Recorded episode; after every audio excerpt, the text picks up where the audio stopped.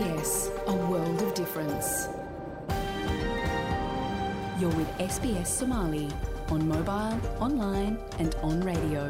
waxaad nagala socotaan s b s soomaali oo aad ka heli kartaan mobil online iyo rediyoga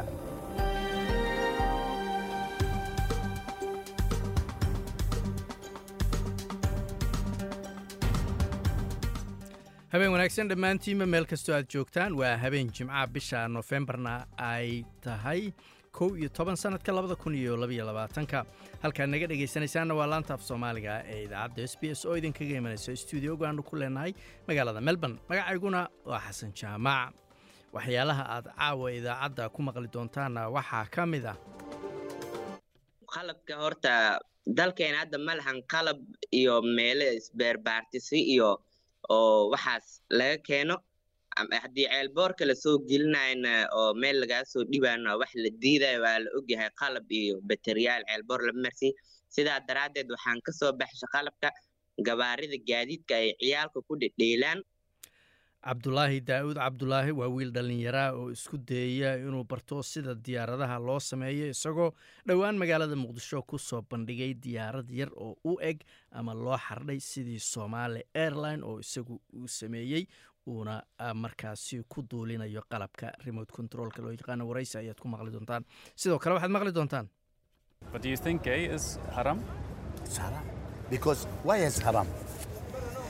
I am not big, one big Muslim, but it's haram. Why? Because it's damaging the mind. muddo toban maalmood ka yar ayaa ka dhiman cayaaraha adduunka ee lagu qabanayo dalka qatar laakiin dhaliilaha loo jeedinayo dalkaas ayaan weli kala joogsan iyadoo tii u dambeysa ay tahay muran ka dhashay hadal ka soo yeeray mid ka mida maamulayaasha kubadda cagta ee dalkaasi warbixin ayaad ku maqli doontaan sidoo kale waxaad maqli doontaan waxaan ilaahay ugu baryaynaa caafimaad deg deg ah inta dhimanna waxaan ilaahay ugu baryaynaa caafimaad deg dega inay helaan ayna noo suuro gasho ayagane. Inta u baahan adeeg caafimaad dibadda ah inaan u helnana aan rajaynayno dadaalkeedana aan ku guda jirno. Waa wararkii soomaaliya oo ay ku jiraan qaar ka mida dadkii dhowaan ku dhaawacmay qaraxii soobe oo dibadda caafimaad loogu qaaday. Wararkaasi iyo kuwo kale ayaad maqli doontaane u diyaar garooba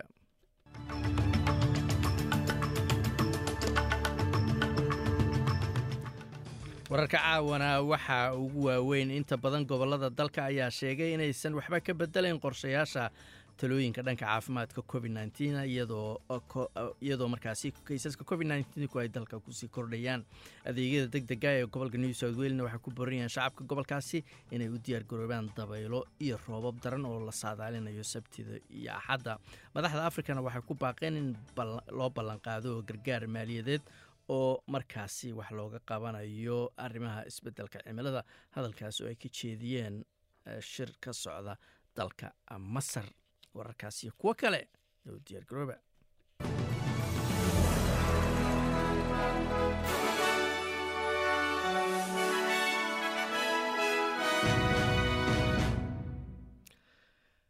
haddana waa warkii oo dhammaystiran. Halka aad nagala socotaan waa laantaaf soomaaliga ee idaacadda s b s gobolka victoria ayaa la filayaa inay ku dhuftaan daadad cusub sida ugu dhaqsaha badan weliba sabtida iyo axadda soo socota iyadoo roobab aad u badan la filayo kuwaasoo ay dhici kartaba la yiri in webiyadu ay buux dhaafaan ayna sababaan daadad. Sidoo kalena ay markaasi dhibaato u geystaan biyo xireennada gobolka dowladda australia ama dalka australia ayaa waxay sheegeen inay la hadlayaan saraakiisha dhanka sharci fulinta ee ruushka iyagoo kala hadlaya koox kombyuutarada dadka u dhaca oo looga shegsan yahay inay mas'uul ka ahaayeen xatooyadii la xaday xogta macaamiisha medibank booliska federaalka australia taliyaha booliska federaalka australia andhe riis kershow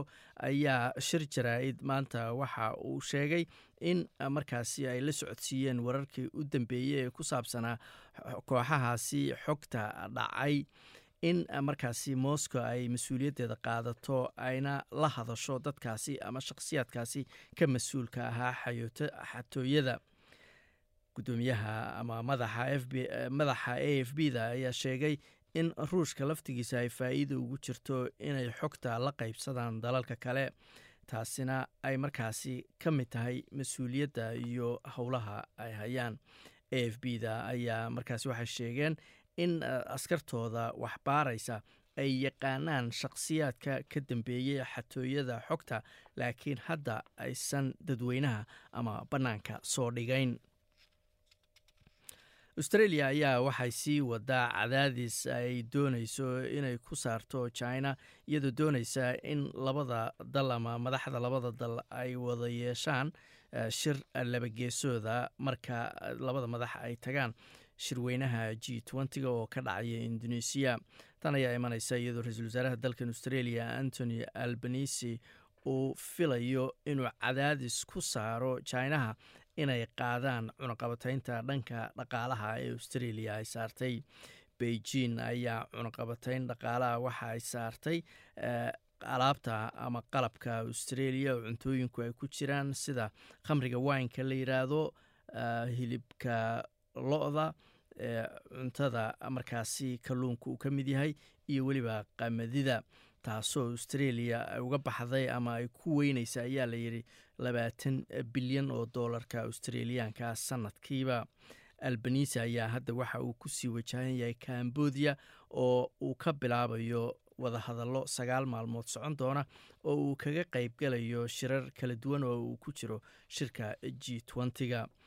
Kulan dhex mara albanisi iyo shi ayaan weli la xaqiijin laakiin ra'iisul wasaare albanisi ayaa sheegay inuu rajo fiican ka qabo in labada dhinac markaasi ay kulmaan. Inta badan gobollada dalkan australia ayaa sheegay inaysan jirin qorshe ay ku bedelayaan talooyinka caafimaad ee covid nneteen-ka iyadoo ay sii kordhayso walaaca laga qabo in mar kale ay aada u kordhaan kaysaska coronavirusku ku-xigeenada premierka gobolka victoria jacinta allen ayaa sidoo kale iyadu sheegtay inaysan waxba ka duwanayn gobollada kale inkastoo kaysaska gobolku ay lixdan iyo laba boqolkiiba kordheen toddobaadkii la soo dhaafay. Premierka gobolka new south wales dominic perrot ayaa sidoo kale sheegay in gobolkiisu uusan dib ugu noqonayn xanibaadihii hore ama in qofka laga helo covid nneteen-ka uu iskarantiilo halka dowladda queensland ay kor u qaaday heerka khatareed ee covid nneteen-ka una sheegtay shacabka inay digtoonaadaan ayna marka ay meel gudaha ama meel xiran joogaan ama ay saaran yihiin gaadiidka dadweynaha ay xirtaan afdaboolka ama maaskiga waxaa loo yaqaano iyadoo gobolku galayo mawjadii afraad ee covid nneteen-ka ka dilaaca gobolkaasi. Rofesor adrian esteman waxa uu ku takhasusay cudurrada faafa wuxuuna s b s news u sheegay inuu u arko inay qalad tahay inaan xanibaadaha qaarkood la soo rogin in particular, I think that it's it's just makes no sense not to have uh, mandated face masks in public. gaar ahaan waxay ila tahay inaysan wax macnaa samaynayn inaan dadka lagu qasbin afdaboolka ama maaskiga marka ay gaadiidka dadweynaha saaran yihiin ama ay joogaan goobaha caafimaadka waxaan is leeyahay waxa ugu yar ee ay samayn karaan waa inay awaamiirtaasi soo rogaan ayuu yiri adrian esteman adeegyada degdega ee gobolka new south wales ayaa ku boorinaya shacabka gobolka inay u diyaargaroobaan dabayle iyo roobab daran oo la saadaalinayo sabtida iyo axadda kuwaas oo la filayo inay ka dhacaan goobo ay hore roobabku u harqiyeen. Madaxa s c s waa hay'adaha adeega degdegah ee gobolka carlin york ayaa sheegtay inay ka sameeyeen afar boqol oo qiimeyn khasaara oo deg dega magaalada forbes iyo goobo kale oo galbeedka new south wales ku yaalla si dadka guryahooda dib loogu celiyo kadib marka kadib markii hore looga soo daadgureeyey. Laakiin waxay sheegtay in awaamiirtaas loo baahan yahay in dib loo soo celiyo dadkana looga baahan yahay inay digniinaha aagooda la socdaan. Madaxa s c s ayaa sheegtay in fariimaha ah inaan gawaari lagu dhex wadan daadka loo baahan yahay in lagu celceliyo Travelling around the state and driving on some of these roads, there's substantial damage to some of these secondary roads out there. markaan ku safray gobolka oo aan waddooyinka marayay waxaan arkay in khasaare culus uu gaaray waddooyinka waaweyn. waana khatar inaad iska dhaadhicin inaad iska dhaadhiciso inaysan khatar adiga iyo qoyskaaga ku ahayn inaad gaari ku martaan daadadka. Marka waxaan leeyahay bay tiri fadlan gaariga ha ku dhex marinina daadadka halkaad weli nagala socotaan waa laanta af soomaaliga ee idaacadda s b s. Madaxda afrika ayaa ku baaqay in la ballan qaado gargaar cusub oo maaliyadeed oo loo sameeyo dalalka soo koraya. Hadalkan ayay ka jeediyeen shirka isbeddelka cimilada ee qaramada midoobey ee loo bixiyey cop oo ka socda dalka masar. Madaxweynaha jamhuuriyadda congo denis susu nuso ayaa sheegay inay doonayaan in diiradda la saaro sidii loo cusboonaysiin lahaa kaymaha qaaradda afrika. Madaxweynaha gabon ali bongo ayaa sheegay in qaaradda afrika ay si gaar ah ugu nugushahay saameynta isbeddelka cimilada. Sur la question cruciale du financement de l'action climatique, 13 ans après Copenhague, su'aasha muhiimka ee maalgelinta tallaabooyinka cimilada saddex iyo toban sano kadib shirkii copenhagen waxaa hadda la joogaa buu yidhi wakhtigii la ixtiraami lahaa ballantii la qaaday ee lagu taageerayay siyaasadaha cimilada ee dalalka soo koraya oo ah buu yidhi lacago gaaraya ama ku kacaya lacago gaaraya boqol milyan oo doolar sanadkiiba howlwadeennada dalka maraykanka ayaa si dhow dusha ugala socda ayaa la yidhi barta bulshada ee twitter iyadoo ay sii kordhayaan walaaca laga qabo mustaqbalka madashan isgaarsiineed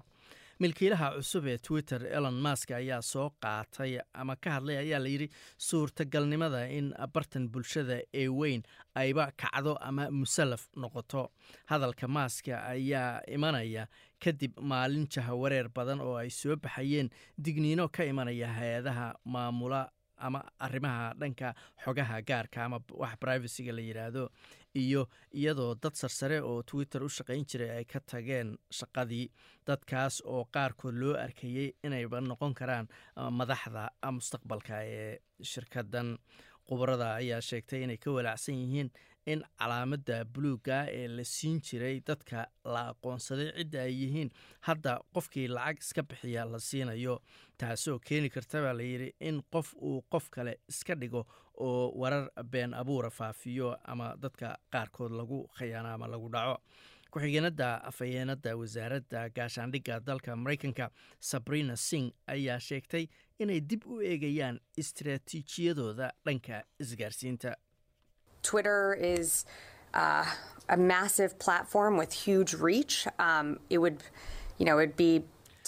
Twitter. Um, waa madal aad u weyn oo dad aad u fara badan gaarta way adag tahay inaad inta iska dhaafto oo aadan meesha ay joogaan ugu tegi karin dadka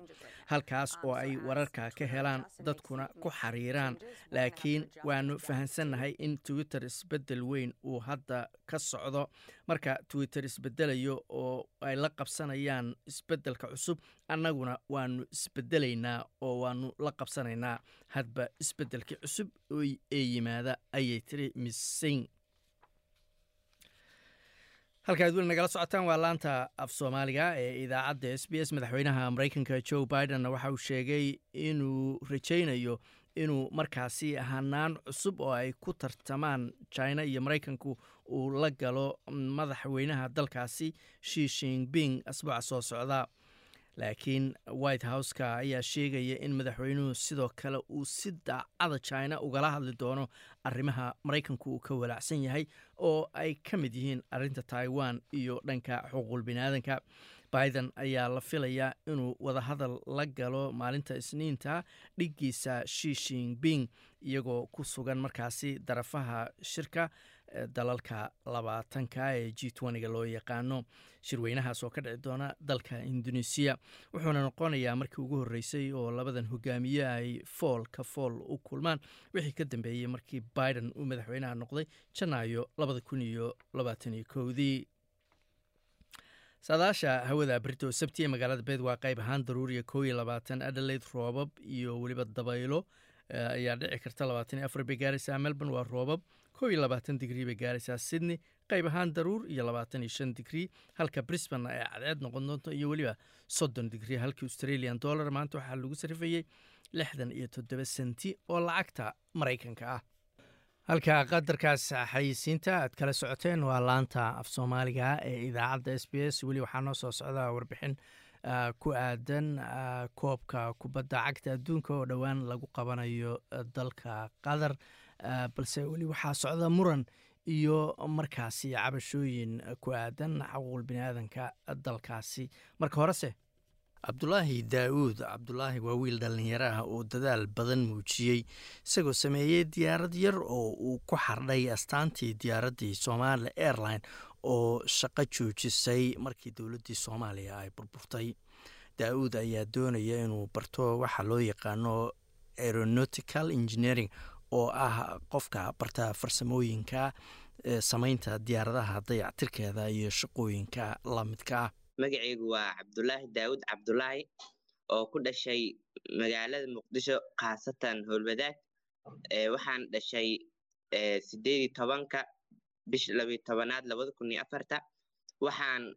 dugsigayga sare ugu baxay dugsiga hoose dhexe sare asafa oo ku yaal degmada dherkeynli madiina. Da'deyduna waa todobiyo toban jir.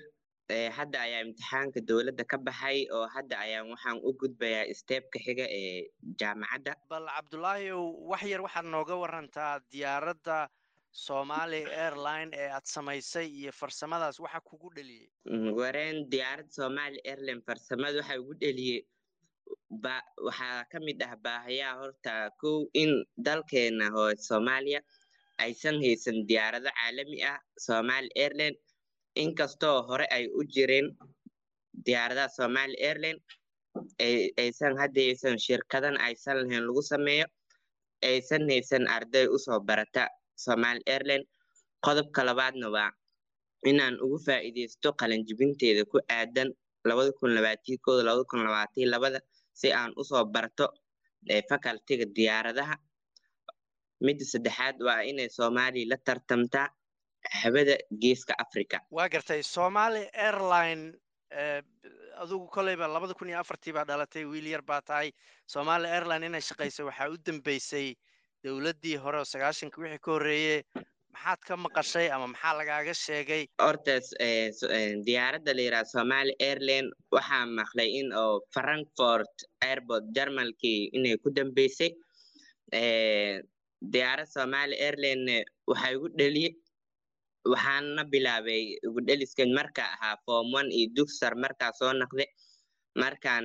ogaaday inay soomaaliya ka shaqaynayno diyaarado caalamiya keliya ay hayso jubba iyo daalo mar badanna aan telefishinada ka arkay ethiopian airlines iyo kenya airlines. Soomaaliyana maadaama uu yahay dal oo hadda soo koraya oo rabo inuu dunida la jaan qaado haddii aysan gaadiid caalami ah oo dhanka habada aysan lahayn soomaaliya dunida inay la jaan qaado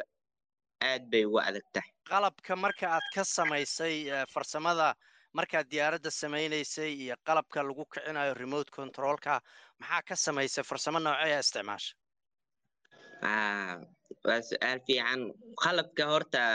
dalkeena hadda ma lahan qalab iyo meelo isbeerbaartisi iyo oo waxaas laga keeno.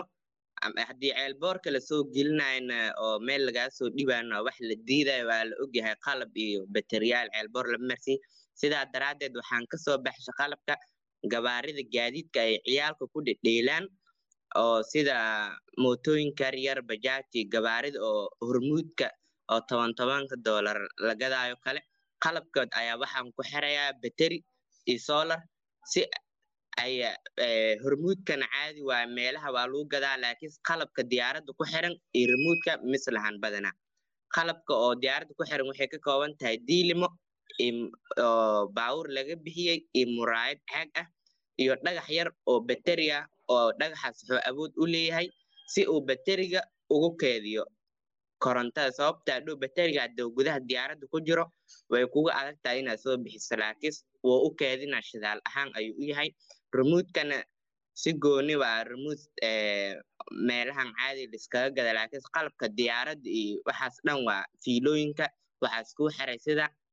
like charges rebel and like charges attract oo loola jeedo. Fiilooyinka isle calaamadaha isle waa isku goyni calaama rebel way kala ordayaan.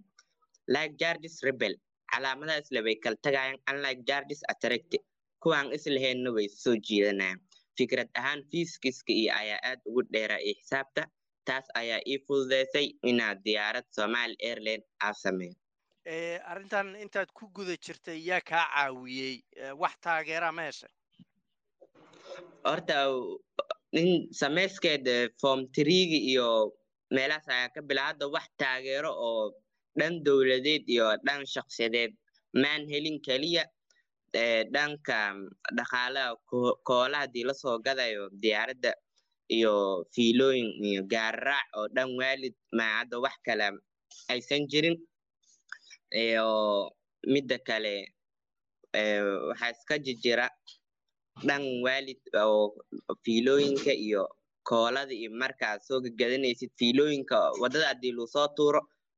ma shaqaynayan hadhow bahalka wuu qarxi karaa laakiin fiilooyinka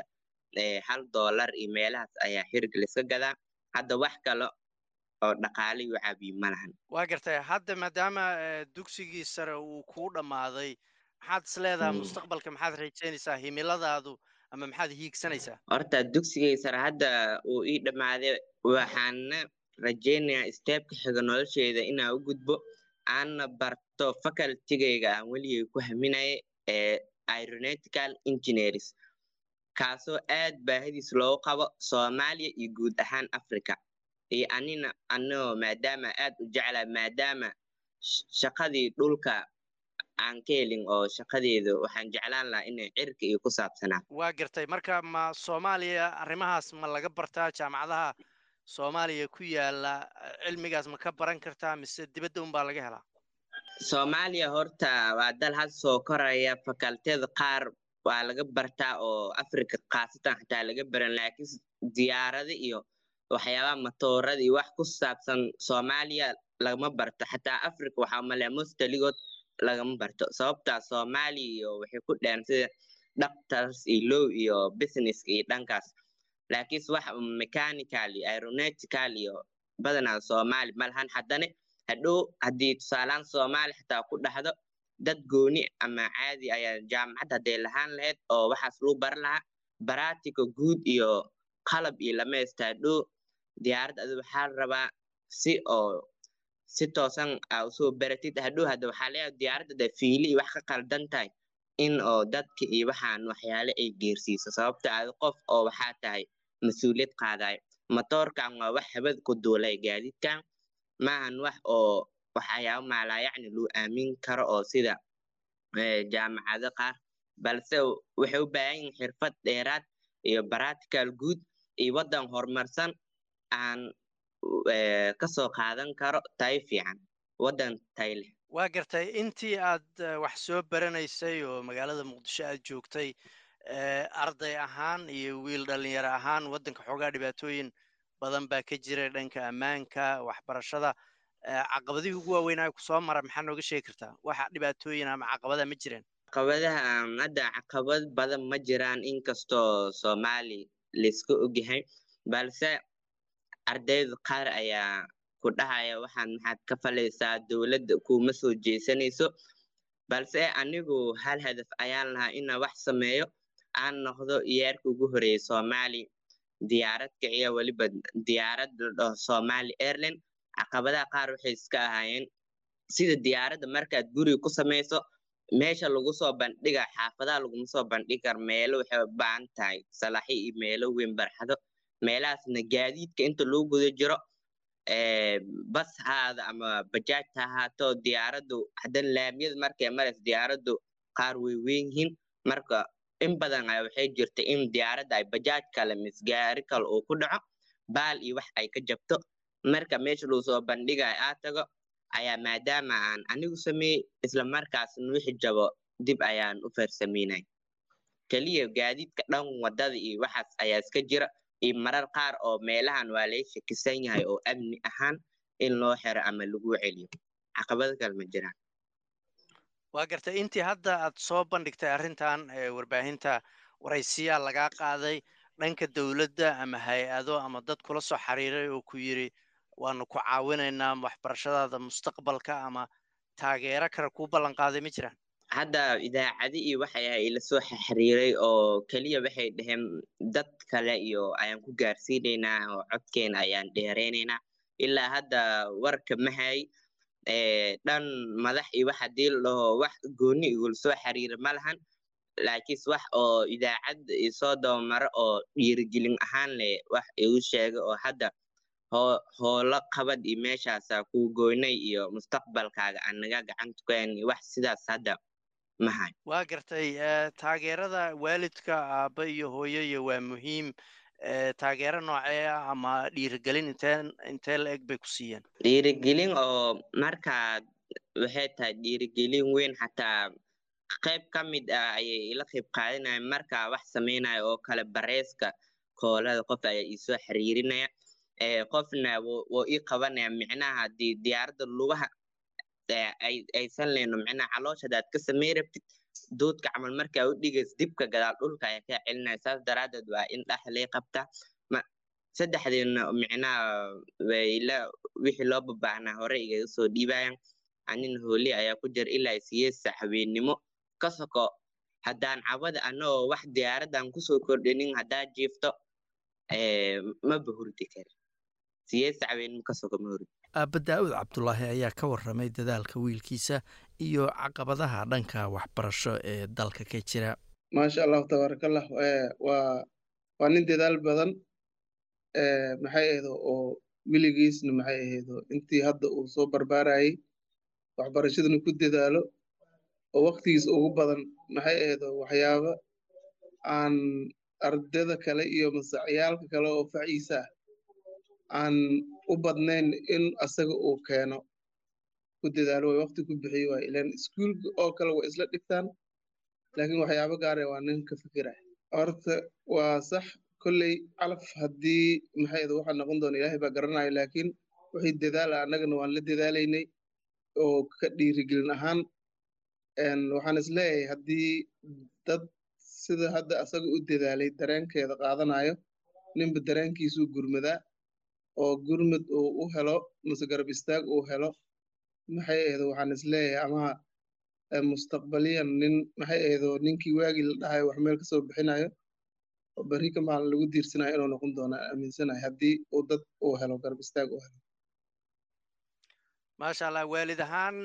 magaalada muqdisho ku koray cabdulaahi aad ku koriseen waddanka xoogaa dhibaata iyo waxbaa ka jiray markay noqoto nolosha guud ahaan iyo waxbarashada dalka magaalada muqdisho gaar ahaan maxaa dhibaataa oo idinka soo maray? Way taagan tahay. Dhibaato badanaa la soo maray. Waxaa jirta tusaale ahaan magaalooyinka magaalada muqdisho iskuulaadka uu iskuulka uu dhiganayo ka qalanjibiyey mahan iskuulle kale oo daruufo jira dartooda. Arrimo abni ha noqotee nooc kasta ay leedahayba. Daruufo jira dartooda maxayda oo oo ugu soo wareegay oo loogu soo guuriyey xaafad ahaan looga bedelay. Kii ugu dambeeyey oo hadda ka qalanjibiyey waa kii saddexaad inuu yahay u malaynaya oo oo oo loo soo bedelayo warqadiisa la bedelayo. Taasna waxay keeni karta waqtiyada iyo mase xaaladaha dalka ka jiro. Marar baa jirta waxbarashada aan la aadaynin oo arrimo jira dartooda oo culeysyo jira dartooda marar baa jirto maxay ahdo waxbarasho asaga uu danaynayo mase maado uu baran lahaa wax uu baran lahaa uusan u saamaxayn maxay ahdo awood oo maxay ahdo oo mase dhaqaalaha noqote mase dhinacyo badan keligii ma aha. Waa dhowr cunug hadday yihiin oo cunugii maxay ahdo soddon dolar maadadii uu ku baranayo haddii keligiis marka saddex maadi uu baranayo uu yidhahdo masida brifedyada iyo waxyaaba lamidka ah keligiis boqol iyo dhowr dolar oo ay ku tagto kuwii kalena maxay ahdo waxbay rabaan waqtigeena waa dareemi karta soomaaliya xaaladeeda marka waa iska dhici karta mararka qaar culeysyada iska jiraan waxaan halkan ka codsanayaa inay saan u dadaali oo hamigeyga rabo inaa mirihiis aan u gurto inay dadna igula dadaalaan si waxaan jeclaan lahaa khaasatan inay u dadaalaan dadka oo soomaalida ama dadka oo waddamada iyo qaarar waddamada iyo qaaradaha kala duwan joogo. Khaasatan waxay igula dadaalaan dhan oo awood ahaan in uu jiro wiil soomaaliyeed uu rabo in uu dalkooda u soo saaro diyaaradaha somali airline ee ayagana u sahlayso in ay dal walba oo dunida dacladeeda ka mid ah ay ku tagaan ayagoo isticmaala diyaaradda somali airline. Waxaana codsanayaa inay i caawiyaan dhammaan dadka maxamed oo ka mida jaaliyadda melbourne aqoonna u leh qoyska cabdulaahi ayaa codsanaya in la caawiyo cabdulaahi si uu u gaaro himiladiisa dheer. Waxaan rajaynayaa in dowladda australia in ay gacan siido wiilkan dhallinyarada oo mustaqbalka leh si ay berrita ugu daydaan dhallinyarada yaryar oo soo koraya oo waxbarashada rabaan uu role model ugu noqo. Tan kale faa'iidada waxay tahay waa nin iq-giisa aad u sarreeyo. Sidaad adigaba aad hadda interviewga markaa ka qaadaysay aad aad aad dhegaysanaysay marka waxaan rajaynayaa inaad ma aragtay la caawiyo ninkan siduu wax ku baran lahaa kolleejyo loo raadiyo ma aragtay jaamacada loo raadiyo si uu ma aragtay waxbarashadiisa hore ugu wado. Waxaana rajaynayaa in ninkan uu noqon doono nin adduunka anfici doono haddii ilaaha yidhaahdo halkaad qadarkaas xayeysiinta kala socoteen waa laanta af soomaaliga ee idaacadda s b s wararka caawana waxaa ugu waaweynaa. Inta badan gobollada dalkan australia ayaa sheegay inaysan jirin qorshe ay ku bedelayaan talooyinkii caafimaad ee dhanka covid nneteen-ka iyadoo ay sii kordhayaan walaac laga qabo in mar kale ay aad u kordhaan kaysaska coronaviruska ee dalka oo dhan adeegyada deg dega ee gobolka new south wales ayaa ku boorinaya shacabka gobolka inay u diyaargaroobaan dabaylo aad u daran oo markaasi la saadaalinayo kuwaasoo roobab wato la saadaalinaya inay yimaadaan maalinta berito oo sabtiya iyo weliba axadda kuwan oo ka dhici doona baa layidhi goobo ay hore roobabku aad ugu harqiyeen madaxda afrikana waxay ku baaqday in la ballan qaado gargaar cusub oo maaliyadeed oo loo sameeyo dalalka soo koraya. Hadalkan ayay ka jeediyeen shir madaxeedka isbeddelka cimilada qaramada midoobey ee loo bixiyey coob howlwadeenada dalka maraykankuna waxay si dhow ula socdaan ayaa layidhi twitter iyaga oo ay sii kordhayaan walaaca laga qabo mustaqbalka madashan isgaarsiineed ama warbaahintan bulshatan ayaa imaneysa kadib markii milkiilaha cusub ee twitter elon mask uu soo qaaday ama uu sheegay suurtagalnimada in bartan bulshada ee aadka u weyn ayba markaasi kacdo ama musallif noqoto halkaad weli nagala socotaan waa lantaaf soomaaliga ee idaacadda s b s. Waxaa noo soo socdaa warbixintii uu noo soo diray wariyahayaga magaalada muqdisho. Marka horese tartanka kubadda cagta adduunka ee sanadkan labada kun iyo labaiyo labaatanka ayaa waxa uu ka furmi doonaa muddo toban maalmood laga joogo dalka qatar. Laakiin markii koobkan lagu wareejiyey dalkaasi labadii kun iyo tobankii oo lagu dhawaaqay in qatar ay marti gelin doonto waxaa socday muran iyo markaasi qayladhaan ku aadan xuquuqul biniaadanka dalka qatar. Tii u dambeysayse waxaa kiciyey nin markaasi ku lugle kubadda cagta ama adduunka ee dalka qatar. Mar la weydiiyey waxa uu ka qaba ama fikraddiisa ku aadan dadka isku jinsiga ee isguursada. Warbixin gaaban oo arrintan aan ka diyaarinayna waatan wakiil ama safiir u qaabilsan cayaaraha kubadda cagta adduunka dalka qatar ayaa caro weyn dhaliyey markuu yidri dadka isku jinsiga ah ee isguursada waxay qabaan xanuun dhimirka ah. Sida warbixintan ka muuqatana dhacdadan ayaa diiradda dib ugu celisay dood adag oo la xiriirtay in qatar markeedii horeba ay ku habboonayd inay martigeliso tartanka isboortiga adduunka ugu weyn cayaaraha adduunka ee labada kun iyo labaiyo labaatanka ee qatar ka dhacaya waxaa hareeye muran laga soo bilaabo markii lagu dhawaaqay labadii kun iyo tobankii in tartankan lagu qaban doono dalkan khaliijka ku yaalla labada kun iyo labaiyo labaatanka. Waxaa ka mid a arrimaha ugu waaweyn ee lagu diidanaa in tartanka lagu qabto dalkan ayaa ahaa sida ay ula dhaqanto dadka isku jinsiga ee isguursada. Dadka isku jinsiga ee isguursada ayaa mamnuuc ka ah dalka qatar iyadoo mowduucaas koox jarmalka ka timid ay filim documentary ka sameynayeen ayay ku waraysteen wakiilka cayaaraha adduunka ee qatar horena u ahaa cayaartooy u cayaara dalkaasi kubadda cagta khaalid salmaan master salmaan ayaa qiray in isku tegidda ama habdhaqanka dadka isku jinsiga ee isguursada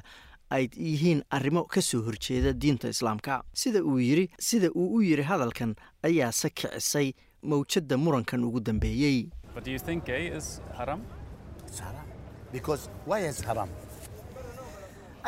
Laakiin ma waxay kula tahay in dadka isku jinsiga ah inay isu tagaan ay xaaraam tahay? Sababtuna maxay tahay? Ayaa la weydiiyey khaalid. Anigu wadaad weyn ma ahi laakiin waa xaaraan ayuu ku jawaabay sababta haddaad i weydiisana sababtu waa inay madaxa ka dhaawacan yihiin dadkani ayuu ku jawaabay. Sarkaal goobta taagnaa ayaa markiiba waraysiga joojiyey jawaabtaas kadib laakiin khasaaruhu waa uu dhacay. Hadalka ah in dadka isku jinsiga ee isu taga ay qabaan xanuun dhimirka ah ayaan si fiican looga soo dhoweyn caalamka oo dhan iyadoo laba toddobaad oo keliya ay ka harsan tahay bilowga tartankani. Jawaab celinta carada wadata ayaa deg deg ahayd urur la yidhaahdo all out oo matala dadka isku jinsiga ee isguursada ayaa dibadbax ka sameeyey albaabka hore ee madxafka fiifa ee magaalada syurikh madaxa ururkan matt bird ayaa sheegay in hadalka master salmaan uu yahay dhacdo kale oo ka mid ah qaladaad badan oo arrintan ku saabsan oo ay galeen dowladda qatar iyo fiifaba The Qatari foreign minister said that anybody who criticizes the LGBT plus human rights toddobaad ka hor uun wasiirka arrimaha dibadda qatar ayaa sheegay in cid kasta oo waddanka qatar ku dhaliisha xuquuqda dadka isku jinsiga ee isguursada ay yihiin dad kibirsan oo isla weyn. Madaxweynaha fiifa laftiisuna infantino ayaa maalin uun ka hor warqad uu u qoray kooxaha tartanka ka qaybgalaya waxa uu ku yidhi ma aha inaad fikrado ka horumarisaan kubadda cagta. Laakiin waxaan u sheegaynaa inaynaan fikrad oo keliya ahayn. Waxaan nahay bulshada dadka isku jinsiga ee isguursada. Dadka jiritaankooda khatar ay qadar ku tahay.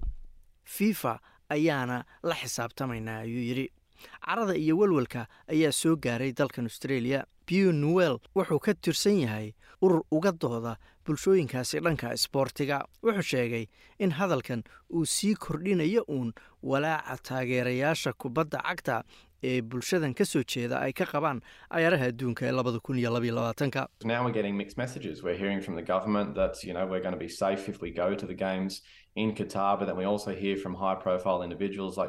Fariimo iskhilaafsan ayaan hadda maqlaynaa waxaan dowladda ka maqlaynaa inaan ammaan helayno haddii aan cayaaraha u tagno qatar laakiin waxaan sidoo kale maqlaynaa shakhsiyaad xilal sarahaya sida wakiilka oo leh dadka isku jinsiga ee isguursada. Madaxa ayay wax ka qabaan. Waa wax la fahmi kara marka in dadka isku jinsiga ay taxadar dheeraada muujiyaan marka ay ka fakarayaan inay cayaaraha aadaan iyo in kale. Waxaana haddaba ognahay in qaar ka mida bulshadani ay ka baaqdeen inay qadar tagaan iyagoo ka cabanaya hadalladaasi. Haddii bonita mercedes sida ay rabto la yeeli lahaa tartanka laguma qabteen dalka qatar waxay hore madax uga ahayd koox isku dayday in cayaaraha adduunka ee sannadkan labada kun iyo labaiyo labaatanka lagu qabto australia. Ugu dambayntiise codsigaas ayaa hal cod oo keliya helay. Miss mercedes ayaa sheegtay in hadallada dhibka leh ee u dambeeyey ay keenayaan su'aalo ay tahay inay ka jawaabaan taageerayaasha kubadda cagta ee caadiga ah iyo dadka xilalka sarahayaba. I was horrified, horrified but not surprised. And it makes you wonder about, you know, for example, there's 49 aad baan uga argagaxay argagax ayay igu noqotay laakiin lama yaabin. Waxay igu dhalisay inaan isweydiiyo tusaale ahaan waxaa jira afartan iyo sagaal taageerayaasha kubadda cagta ee australia oo qatar ay ka bixisay inay tagaan cayaaraha adduunka ee labada kun iyo labaiyo labaatanka sidee ayay dadkaasi maanta dareemayaan? Sidee ayuu dadka ay ka mid yihiin tim kail oo laftiisu wakiil ama safiir u ah cayaaraha adduunka uu dareemayaa ama ka aaminsan yahay arrintan? Seb blatter wuxuu ahaa madaxweynaha fiifa markii qatar la siiyey inay martigeliso cayaaraha adduunka. Wuxuu hadda ku doodayaa inuu markaasba shaki ka qabay awoodda qatar ay u leedahay inay martigeliso cayaaraha adduunka. Shakigaasna hadda loo cudurdaari karo oo uu ku saxsanaa.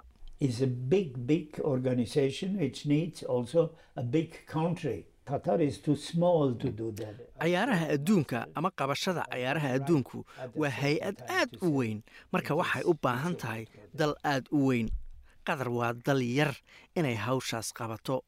sidaas ayaana is iri anugu waana ku saxsanaa waagaas inaan idhaahdo ma aha in la siiyo martigelinta cayaaraha adduunka qatar laakiin inkasta oo ay jiraan walaacyo la xiriira dhanka farsamada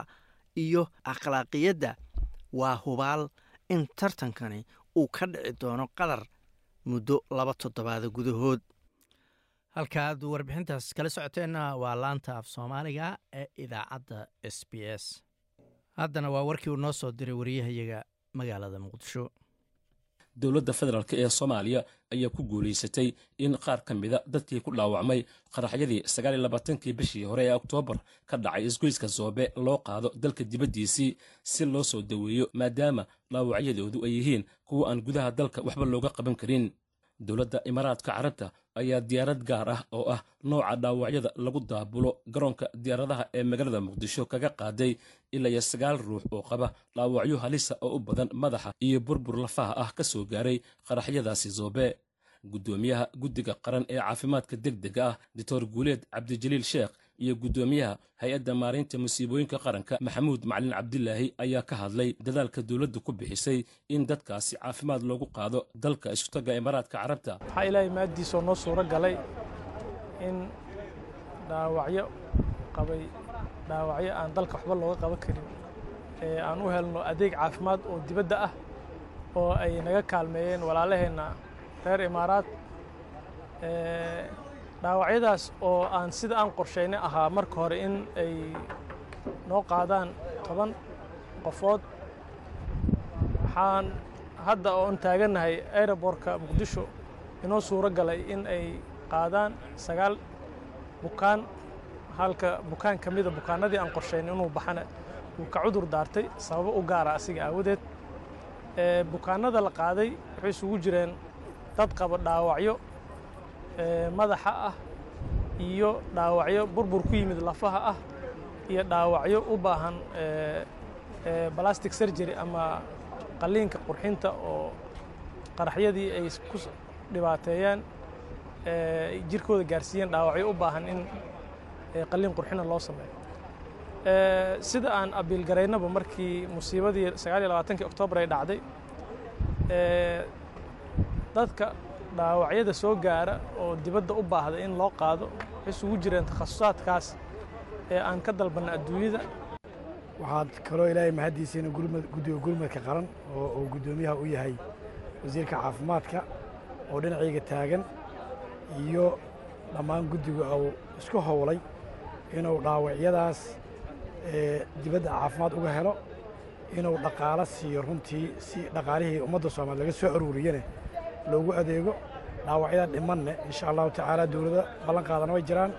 Si brivately ahna waa u qaadi doonnaa insha allahu tacaala. Dhankiisii wasiirka wasaaradda caafimaadka xukuumadda federaalk ee soomaaliya islamarkaana ah guddoomiyaha guddiga qaran ee gurmadka cali xaaji aadan ayaa u mahadceliyey dowladda imaaraadka carabta oo dhaawacyadaasi dalkooda ku soo daweynaya isagoona xusay inay qorsheeyeen ilaa iyo toban ruux in la qaado hase yeeshee mid ka mid ah bukaanada uu diiday. Maanta noo soo dartay diyaarad aan ku qaadayno sagaal ka mid a dhaawacyadii ugu dardarnaa qaraxyadii zoobe iyo dadkii la socday. Waxaan aad uga xunnahay toban ay ahayd in la qaado halkii tobnaad oo qofkii raaci lahaa fiisada ay ka soo daahday laakiin loo ballan qaaday in laga daba keenayo maalin ama laba maalin kadib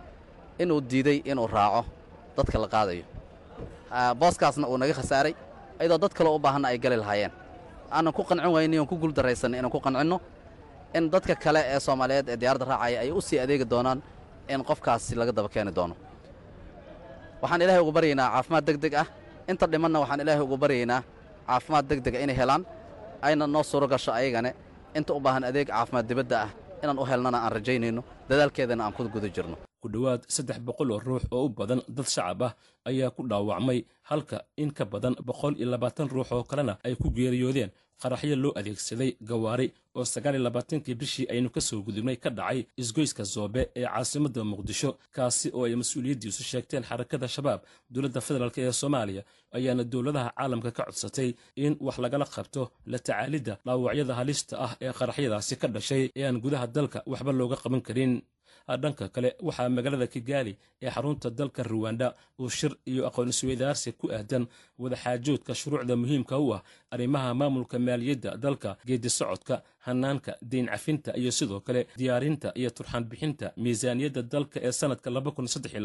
uga socdaa xubnaha guddiga maaliyadda iyo miisaaniyadda ee labada aqal ee baarlamaanka soomaaliya waxaana shirkaasi furitaankiisii ka qaybgalay guddoomiye ku-xigeenka labaad ee golaha shacabka baarlamaanka federaalk soomaaliya